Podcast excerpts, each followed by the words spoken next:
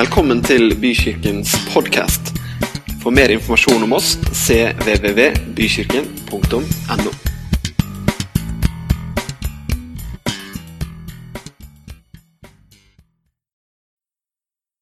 Men eh, det er utrolig godt å være i Guds nærhet. Men for at jeg og du skal være i Guds nærhet, så er det avhengig av at Den hellige ånd får plass i ditt og mitt sitt hjerte. For Den hellige ånd det er den som virker i dere. Og det er Den hellige ånd som gjør liv. Og det er Den hellige ånd som gir kraft og inspirasjon til å leve et liv som er inspirerende for din egen del, men ikke minst for dem du omgås i hverdagen.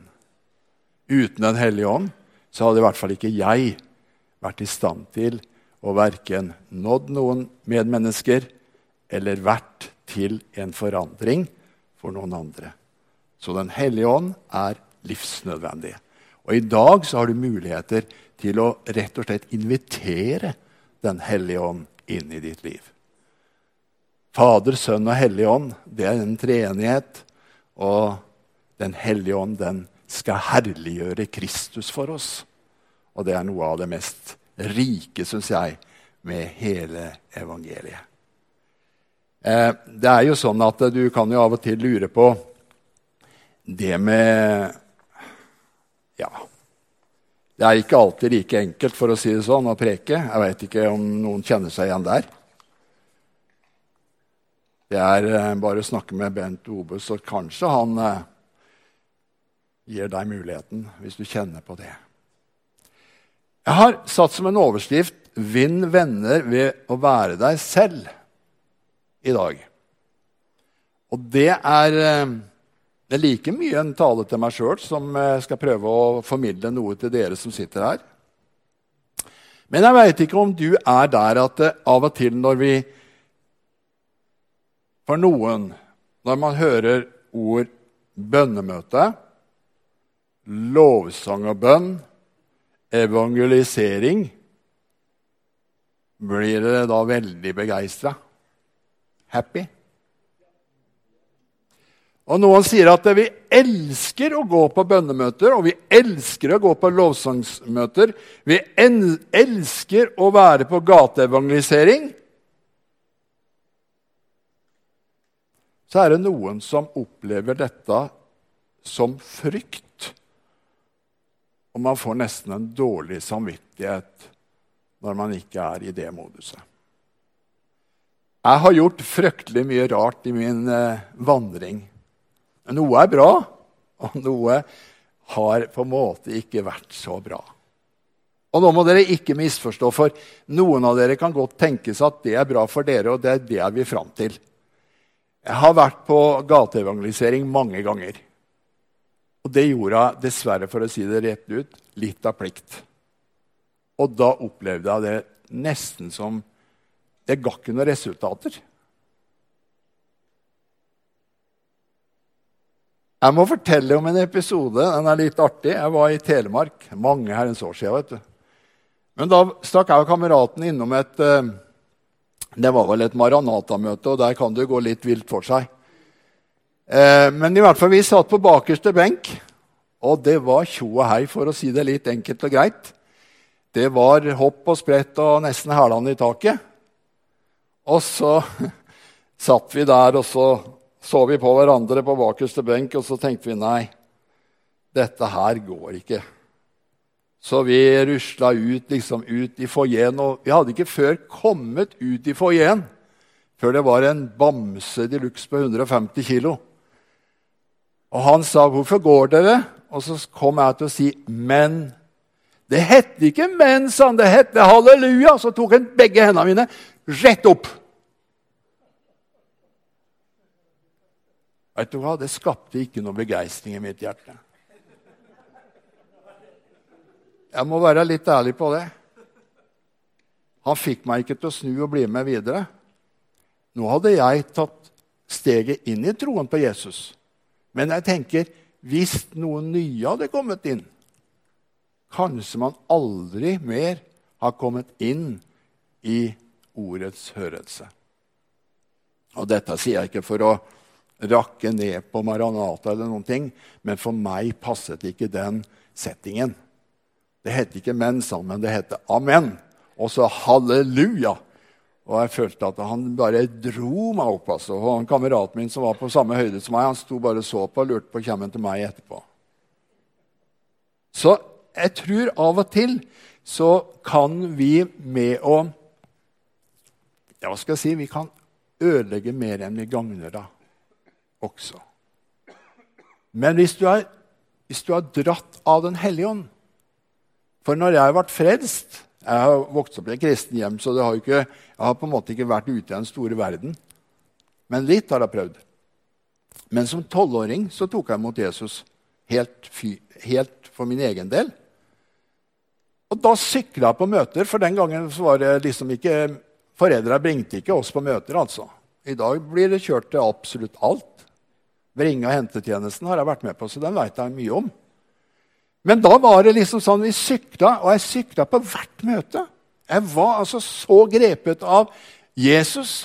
Og den begeistringen og den gleden ved å høre Jesus til, den tok formelig av. Så jeg sykla fem kilometer én vei, fem kilometer tilbake.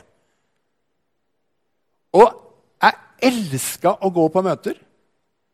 Og når jeg ble eldre og eldre, og siste 40 åra, så har jeg elska menighet. Jeg elsker. Jeg syns det er forferdelig å gå i turnus. Jeg jobber i turnus. Jeg er fraværende hver tredje søndag. Jeg syns det er helt forferdelig.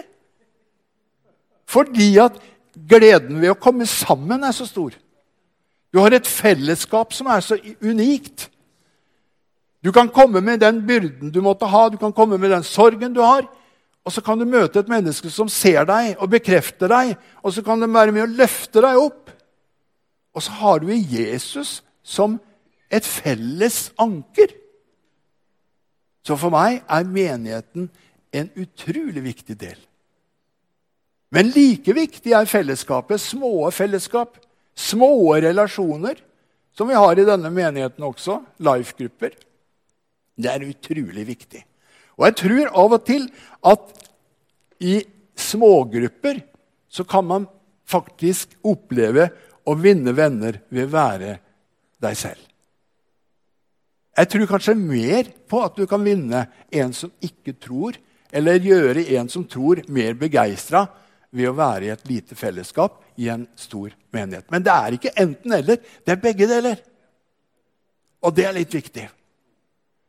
Eh, og relasjoner, ja, det kan du ha overalt. det. Du kan skaffe deg relasjoner på jobb hvis du er i jobb, på skole hvis du er i skole, på toget hvis du tar en togtur, en busstur. Det er utrolig mange relasjoner, mange punkt. Apropos det, her i denne uka så sto jeg i garderoben.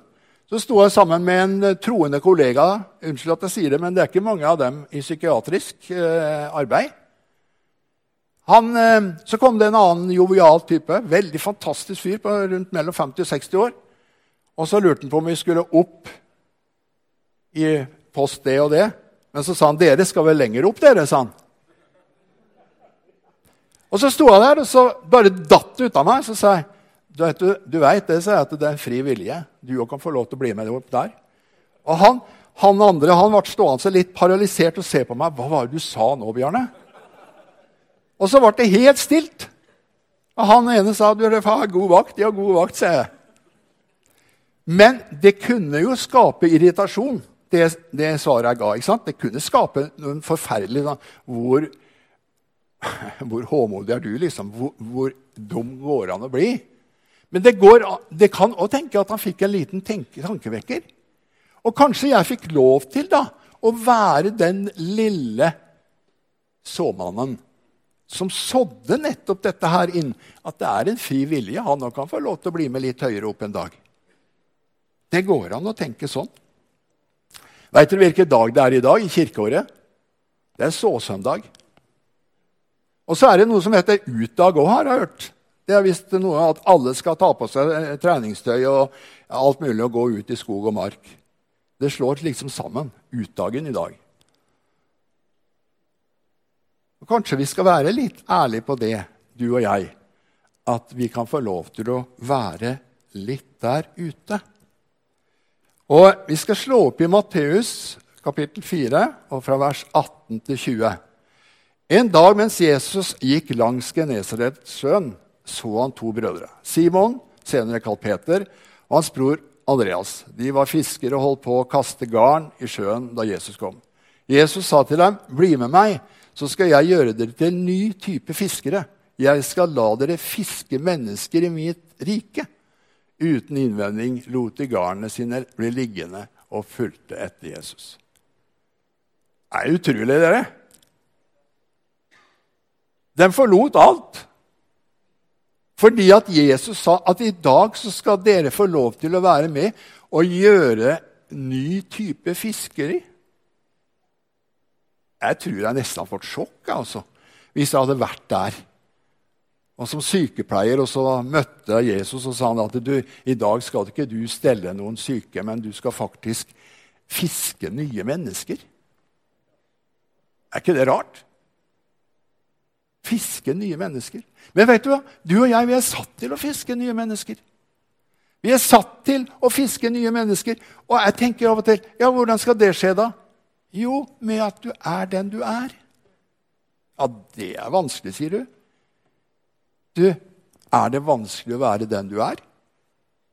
Da sliter vi. Fordi at det, den du er, det er den som avbilder hvem du tror på. For Jesus, han er i deg. Og du skjønner det at når du får lov til å være med da, og fiske nye mennesker, så er det helt utrolig rikt. Det er det. Og jeg tror jo faktisk det at eh, vi skal lære av Jesus. For Jesus han lærte jo gjennom bønn. Han hadde fellesskap med sin far. Han var ledet og drevet av Den hellige ånd. Han forkynte, han helbredet, han tjente. Han gikk omkring og møtte mennesker. Og vi er satt til å gjøre det samme. Ja, endatil større ting, står det i min bibel, da. At vi skal gjøre. Men jeg tror det at av og til så kanskje vi burde ha For at du skal helt tatt komme dit, da, og Nå kan det godt være at du er uenig med meg, men min identitet er ikke om jeg rekker hendene i været, eller om jeg lovpriser og står på sånn, men min identitet er i Kristus Jesus. Og når identiteten min er i Jesus Kristus, så kan jeg løfte hendene, for da blir jeg glad. Det er en utrolig forskjell for meg, da. Det at jeg løfter hendene og ærer Jesus, det jeg løfter min stemme for å ære Jesus, det er for at Den hellige ånd har fått bolig i mitt hjerte. Og så kan jeg prise ham med fulle lunger og full stemme. For da er det så gøy å høre Jesus til. Men jeg tror at gjennom det jeg har erfart Jeg har en sånn enkel opplevelse og enkel oppskrift på det å be. da. Og det er at er helt fra jeg tok imot Jesus, så har på en måte Den hellige ånd lagt det i mitt hjerte at du kan be overalt. Alt fra praktiske ting som til alvorligere ting. Og jeg tror for min del, og der har jeg lyst til å utfordre dere litt, i bønn. For dere vil omgås. Hvis ikke så er det nesten unntak dere vil oppleve at det er noen blant dere som er av og til litt sjuke. Og da tenker ikke jeg sånn alvorlig sjuke, men det kan være hodepine, det kan være magevondske, det kan være litt verk her og der. Vær frimodig og legg hendene på dem. Be en kort bønn. Og når du da får svar, så vokser begeistringen for Jesus. Det er min erfaring. Jeg har opplevd så mye konkret i det å få lov til å be for mennesker. Fordi at det, gjennom det så har jeg opplevd at oi, Gud han er virkelig til stede. jo. Det er jo ikke bare en teori, det er en sannhet. Så tror jeg det som ektefolk, ektepar, familie, så bør vi lære oss å be sammen. I mange år som pastor så opplevde jeg jo det ved bryllupsforberedelser og sånne ting. Så opplevde jeg jo det at de nye, fantastiske, flotte mennesker jeg kom inn på den åndelige dimensjonen og spurte ber dere i dag. Nei. Og jeg kjente på at jeg hadde forsømt min oppgave da, som pastor. Lær den unge den vei de skal gå. Vi har et ansvar som troende. Vi har et ansvar med å lære dem å be. Og det å lære dem å be, da blir det på en måte nesten det naturlige som å snakke om vær og vind. Hvor ofte snakker dere om vær og vind? Opp med han. Nei, det var bare fire-fem stykker. Nei, det tror jeg ingenting på. For det første dere spør om, eh, første når dere snakker med noen Uff, det var grusomt vær i dag. Eller det var flott vær i dag. Sola skinner. Ja, det blåser litt. Ja, det er trekk, og det er forferdelig, dette her. Og det er meldt snø. og Hvilken app har du, da? Jo, det er Yr, storm og ja, pent vær. Og, oi, alle slags apper. Og så står du her. Nei, men på pent vær der står det faktisk at det skal bli litt regn utpå dagen. Nei, men Yr, der står det minus, minus, minus, minus. Ja, men det er det vi snakker om. Men tenk, vi har jo noe som er mye mer interessant, har vi ikke det? Vi har en Jesus, dere. Det er jo ikke en glansfigur. Han har stiget ned fra korset. Han vandrer omkring her ved Den hellige ånd. Og Det er derfor det er så viktig at du og jeg får tak i Den hellige ånds dimensjon. Kraft. Og der kommer nådegavene, du vet. At ved Den hellige ånd så utøves det nådegaver i ditt og mitt sitt liv. Dere har sikkert hørt om de ni nådegaver, og noen opererer med 21 nådegaver. For meg betyr det ikke hvor mange nådegaver det er. Men det er Han, Den hellige ånd, som skjenker til hver og en ettersom er, det er til hjelp for oss. Jeg hadde en fantastisk, og har en som er evangelist, han er jo pastor i hjertet. Og han kom til meg en gang, og så sa han det at Du, jeg får ikke til å tale et annet språk, altså i tunger. Jeg tror ikke jeg er åndsdøpt, sa han. Så sa jeg, 'Det tror jeg du er', sa. Men det jeg har lyst til å si til deg, det er at du går hjem. Jeg spurte har du frelsesglede. spurte jeg. Ja. ja, men da går du hjem og så begynner du å takke Jesus for at du er et Guds barn. Det var hele samtalen. Så gikk han hjem, så begynte han å takke Jesus. Og vet du hva som skjedde? Hans hjerte ble fylt av Den hellige ånd, og munnen den bare flo! Det kom en ordflom fra hans indre via tungen og ut. Så han gikk hele natta og prisa Herren i andre tunger. Og så kom han på kontoret dagen etterpå og sa han, 'Kjære Vene-Bjarne, var det så enkelt?' Ja, for du åpnet opp for at Den hellige ånd kunne få lov til å virke i deg. Og så ble det en opplevelse. Og han fikk både bønnespråket, som vi sier, tale hemmeligheter med Faderen. Da har ikke djevelen noe adgang, og det må vi være glad for. Og så er det noe med det at når du da får tungetalen, så kommer også tydningen. Og du verden, Det er noe fantastisk i dette her. Men han trengte bare en liten push. Har du frelsesglede? Og det er der det bunner alt sammen med om vi er begeistra når vi kommer sammen. Har vi Jesus så tett innpå oss at naboen ser det? Jeg er skuffende på meg sjøl der. Jeg tenker av og til, jeg lurer på om de veit at jeg er en kristen. Og det er litt bedrøvelig å si det foran dere. Men sånn er det. Og av og til så tenker jeg ja, hva snakker vi om når vi møtes over hekken? På denne tida så er det nesten ikke folk ute, unntatt når det snør. Men på sommeren så er det over en plenklipper eller en hekk av en tuahekk. Men vi har så mye å gi.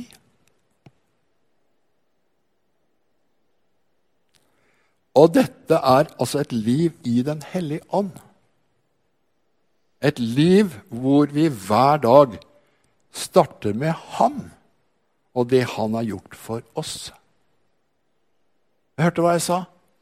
Hvis du starter dagen med å gi alt til ham, ber om råd, be om vink, Og Da snakker ikke jeg om at du skal forkynne nord og ned over et menneske som ennå ikke tror.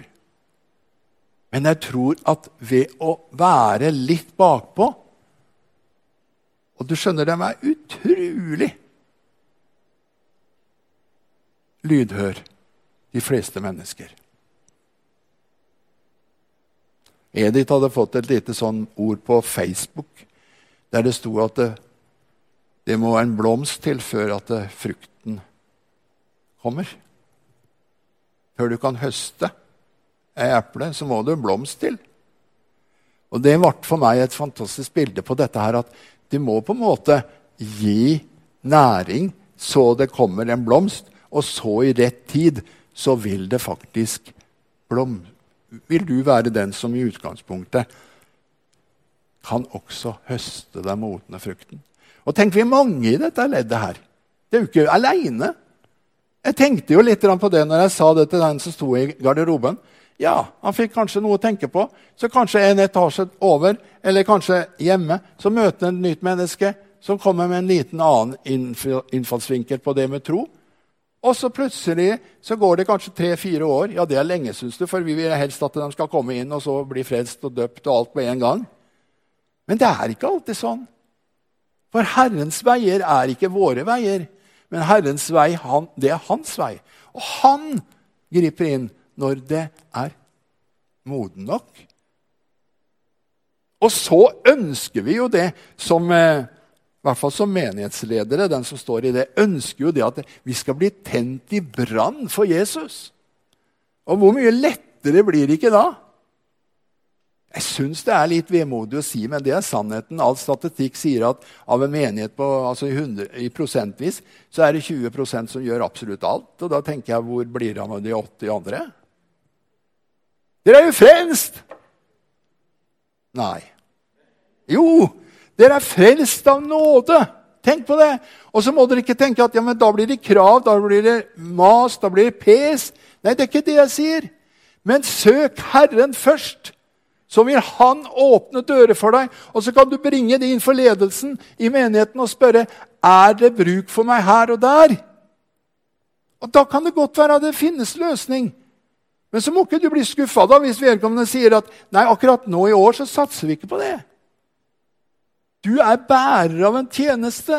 Du er bærer av noe som kan gi virkning inn i forsamlingen. Hvis du er borte en dag, så er du borte en dag, og da er det et hull i det berømmelige puslespillet. Det verste jeg veit, visste når jeg hadde unger vi pusla med puslespill Det var verste jeg visste, det var 500 brikker. Og så kom jeg til slutten, så mangla det én brikke. Det ble ikke noe godt ut av det. Ungen skreik, og jeg skreik nesten, jeg òg. Jeg har brukt så mye tid, da, og så ikke til noe nytte. Gikk ikke an å henge opp det bildet eller ramme det inn. Hvor er det puslebiten? Den er vel under teppet en eller annen plassen. Men hvor? Men tenk, du og jeg, vi er fullverdige. Vi er full Vi er full av nåde og sannhet. Og vi trengs for at dette bildet skal bli helt ut, fullt ut. Og vet du hvordan det fungerer best?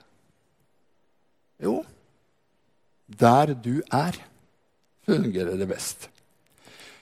Har du tenkt på det at i, apost den apostoliske trosbekjennelse så, sitt, så, står det at Jesus sitter ved Guds, den allmektige Faders høyre hånd. Så samtidig så sier Jesus at han er kommet for å lete etter de bortkomne og berge dem. Da har i hvert fall jeg en mistanke om at Jesus er å finne blant dem. Tok du den? Det betyr i utgangspunktet at når vi er ute på fiskeplassen, så har allerede Jesus vært der, og han er der. Og Det er litt sånn viktig, for da slipper du i hvert fall alle den der spørsmålet rundt liksom det ene og det andre. For Jesus han har allerede vært der. Han har vært der for å så noe. Og det er utrolig godt. Jeg trenger faktisk ikke å gå så langt heller, da. Hvis ikke du går, bor helt ut på heia, langt opp på heia og ikke har en nabo, så trenger du ikke å gå så langt. Du treffer dem kanskje med poststativet. Du, treng, du treffer dem der du måtte være. Og jeg tror så veldig på dette her, at vi skal få lov til å være en, et lyspunkt der vi går. Og jeg har så tro på at den begeistringa, den gleden du har i hjertet, den skal du få lov til å bringe med deg enn hvor du enn går. Er vi enige i det? Tenk hvis jeg hadde vært så tro mot dette at jeg hadde vunnet én for Kristus. Det er Jesus som frelser. Men hadde jeg vært så tro mot dette at jeg hadde vunnet én menneske for Kristus gjennom et år Multiplikasjonen den hadde vært så enormt stor. Ser dere? Og det har slått meg mange ganger at jeg tror, jeg tror Jesus han venter med å komme igjen, for det går litt tregt, dette her. Det er nok mange andre ting som skal oppfylles før han kommer igjen. Men annet er jo dette her at når alle sammen har hørt, så skal han komme igjen. Og da tenker jeg at vi har faktisk en oppgave. Og jeg tror av og til at vi skal ikke presse på, men vi skal få lov til å være tro mot det lille vi har fått. Og det er stort nok, det. Tilbake igjen det med bønn, da. Jeg har opplevd fra barna mine var små, så har jeg tatt dem med på ei reise i det å be. Jeg har alltid bedt for barna mine. Når de var syke, så ba jeg for dem. Noen ganger så ble de helbreda. Noen ganger ble de ikke helbreda. Men jeg ga ikke opp. Jeg hadde en sånn visshet at Jesus han hører. Det jeg nå bærer frukten av, vet du hva det er? Det er når de er i voksen alder. Alle er over 24 til 38 år. Når de nå er syke, hva skjer da? Da ringer de til pappa, og så spør de pappa, kan du be for meg. Vet du hva? Jeg blir aldri gammeldags, da, med andre ord. Jeg blir aldri for gammel til å fungere i Guds rike.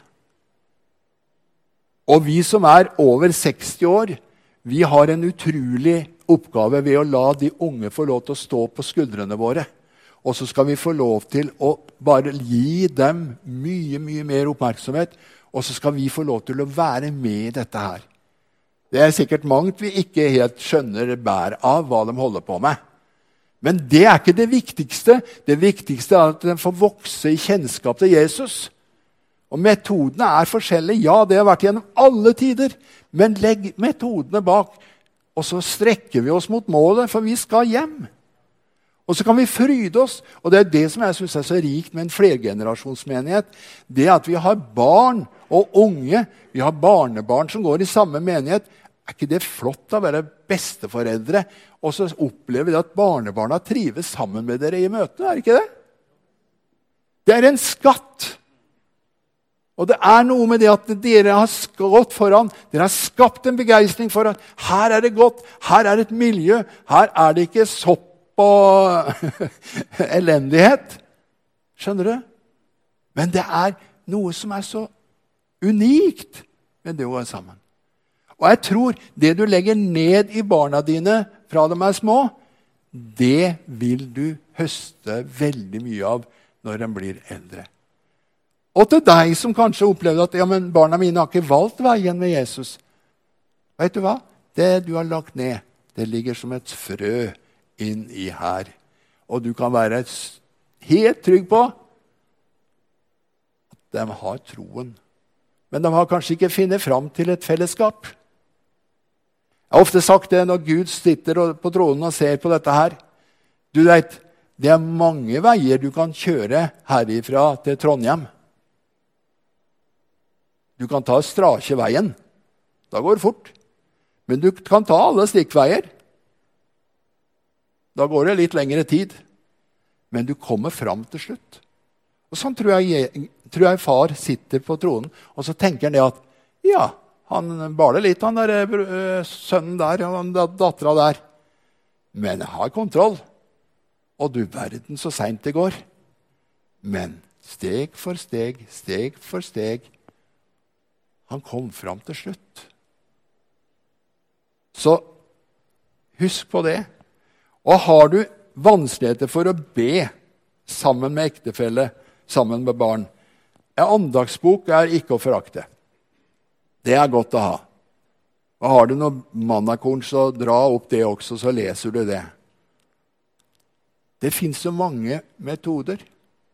Men jeg syns det har vært så sørgelig å sett på de samtalene hatt der de ikke har begynt å be når de går inn i et ekteskap. Så syns jeg på en måte det har vært litt vondt for meg å ha sett. For jeg tenker de går, de, går de, de mister noe underveis. For det kommer dager med økonomi, med jobb, med sykdom. Og da ikke ha den forretten å bringe det inn for Herren. Det er en styrke. Og selv når ulykka er der, selv når døden kommer, så er det noen ting med det at han skal bære oss gjennom det òg.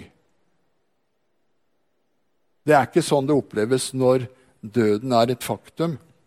Men når du får døden på avstand, så er det mange som sier at 'han var også der'.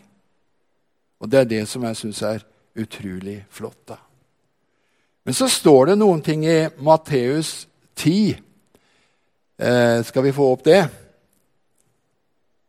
Uansett hvilken by eller landsby dere kommer inn i, så spør etter dem som har tillit blant folk der. Slik finner dere ut hvor dere skal bo.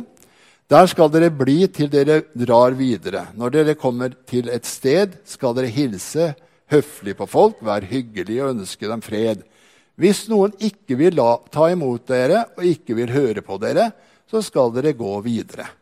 Det vil da angre på den dagen de skal stå til ansvar for Guds domstol, for de skal få det verre enn Sodomas og Gomaras land.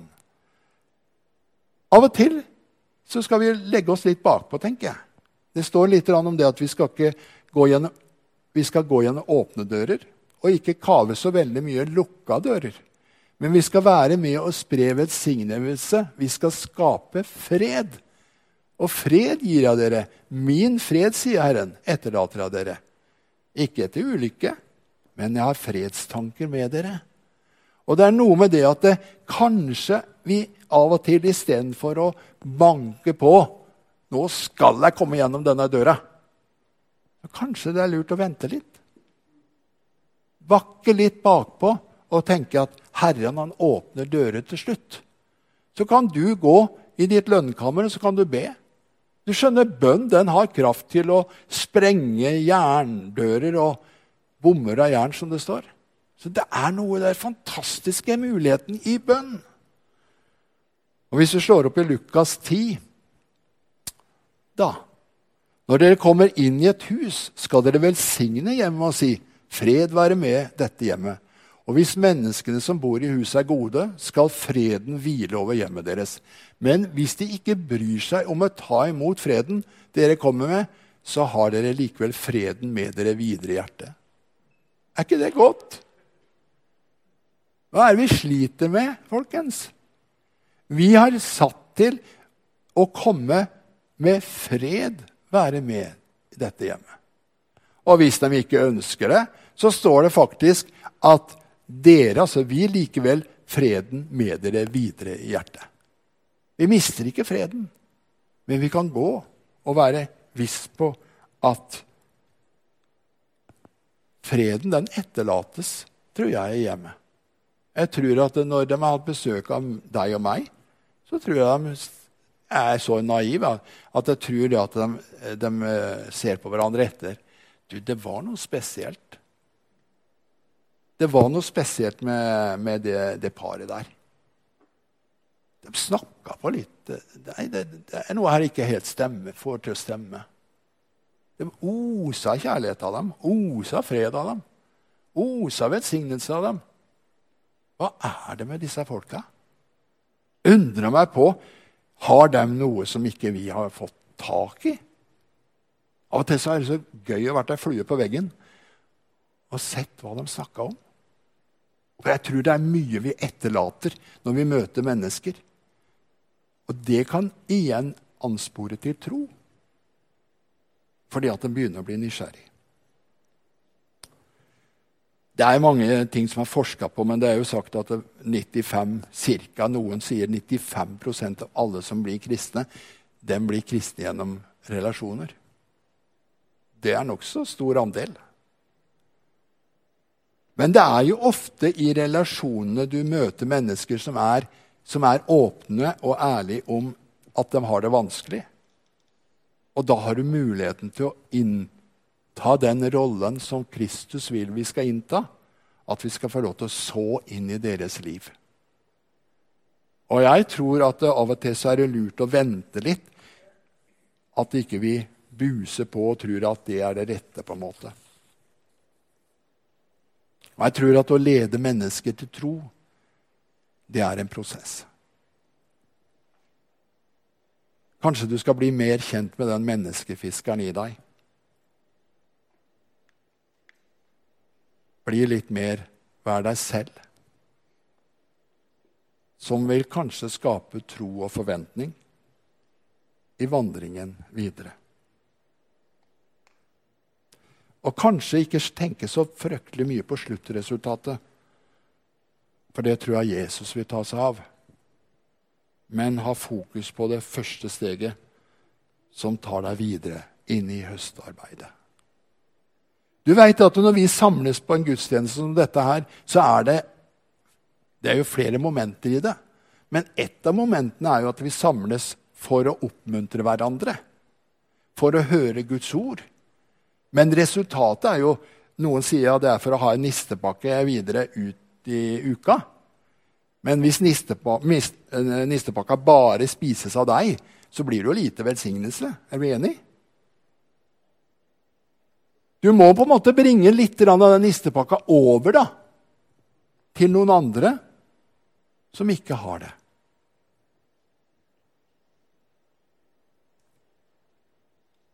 Så tror jeg det kan være greit da, å feile litt av og til. Jeg er veldig glad i fest. Heidundrende fest for Jesus. Det er godt. Det å feire i fellesskap og be Den hellige ånd lede deg inn i nye hverdagssituasjoner. Da blir du forundra.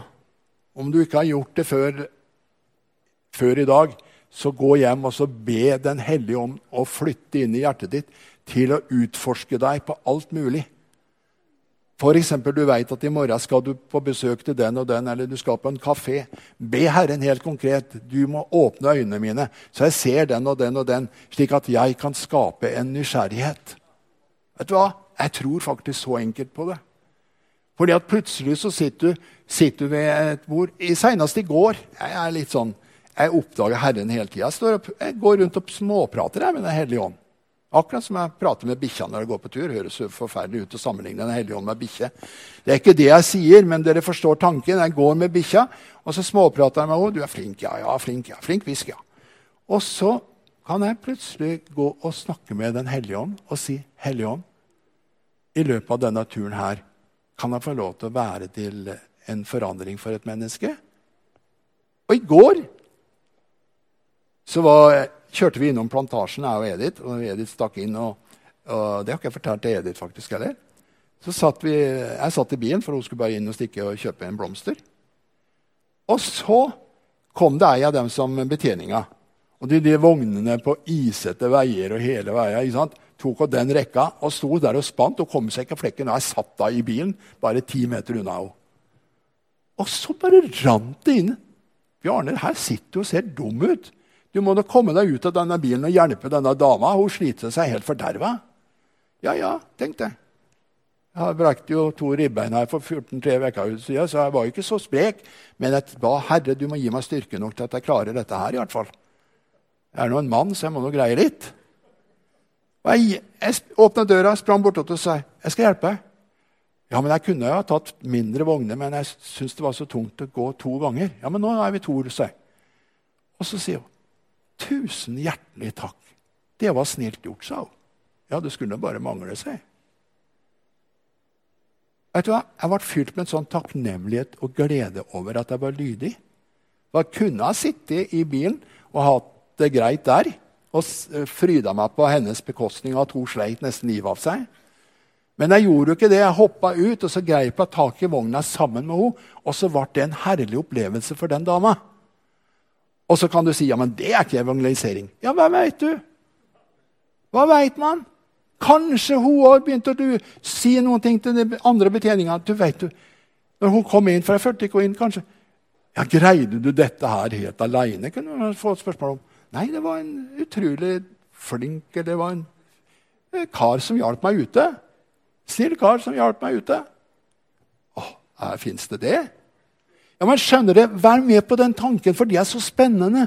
Det å være litt på baksida av det du sier det skaper en begeistring i ditt liv som igjen Da kan du løfte hender, da kan du løfte stemmen til Herren. Og det siste jeg skal si, det er For meg har det vært en betingelse for at jeg kan bidra på den måten. Den finner jeg faktisk i Galaterbrevet 5, og det skal jeg avslutte med. Hold derfor fast på den friheten som dere har fått pga. Kristus. Ikke la noe menneske tvinge dere tilbake til regelstyrt og bundet liv, der dere presses og tynges ned. Jeg, Paulus, vil forklare dere dette. Dersom dere tror at omskjærelsen er avgjørende for å bli godtatt av Gud, da døde jo Kristus forgjeves for dere. Det jeg har lyst til å si, det er at ikke la noe menneske tvinge dere tilbake til et regelstyrt, bundet liv, der dere presses og tynges ned. For i den gamle oversettelsen står det til frihet av Kristus frigjort dere. La dere ikke igjen komme inn under trelldommens åk. Du, vi er frikjøpt ved Kristus. Vi er frikjøpt ved at han døde på Golgata kors. Vi er frikjøpt for at han spikra synden i ditt og mitt sitt liv inn på hans legeme. Og så kan vi med frimodighet gå ut og vite at vi er i Kristus en ny skapning. Alt det gamle er borte. Vet du hva? Det skaper begeistring. Det må gjøre det. Det skaper en begeistring om at Jesus har flytta inn. Den hellige ånd har flytta inn. Faderen selv er inne i oss. Og så kan vi rope av begeistring, og da blir det lett å være kristen. For identiteten er ikke styrt ut ifra og løfter hender automatisk. Nei, identiteten er at i Kristus Jesus er jeg en ny skapning. Jeg er fri i ham. Derfor så løfter jeg hender. Derfor så priser jeg Jesu navnet. For han er verdt all min pris og begeistring. Og tenk hvis vi som forsamling kunne gå ut i uka som kommer, og være den nye, friske duft som gjør at mennesket stopper nesten. Peters skygge gjorde en utrolig innvirkning. Alle som kom i berøring av skyggen, ble helbreda. Det er jo sterke saker det vi holder på med. Den hellige ånd er råsterk. Og tenk muligheten vi har. Vi skal begeistre hverandre. Jeg har så lyst til at dere skal på en måte, at alle, inkludert meg sjøl, kan få kjenne litt av denne Jesus-tilhørigheten. Han som begynte den gode gjerningen i meg, han skal fullføre det. Hvordan lar vi oss fullføre? Tenk, Hvis dere tar noen sekunder stillhet nå og tenker på hvem er det dere har på bønnelista Så kan dere tenke nei, jeg har bedt i årevis. Det har ikke skjedd noe. Vet du hva? Det skjer der du ber, så skjer det et mirakel. Gud hører, og han sender ut flere flere høstarbeidere nettopp til den du ber for. Og så plutselig en dag så kommer vedkommende løpende imot deg. 'Du, jeg har fått sett Jesus.'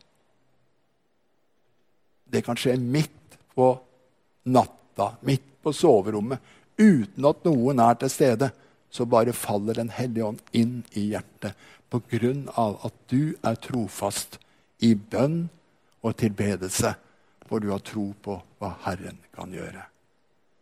Amen. Takk, kjære Jesus. Du er en utrolig god Gud. Du gir oss kraft, du gir oss styrke. Ja, mer enn det.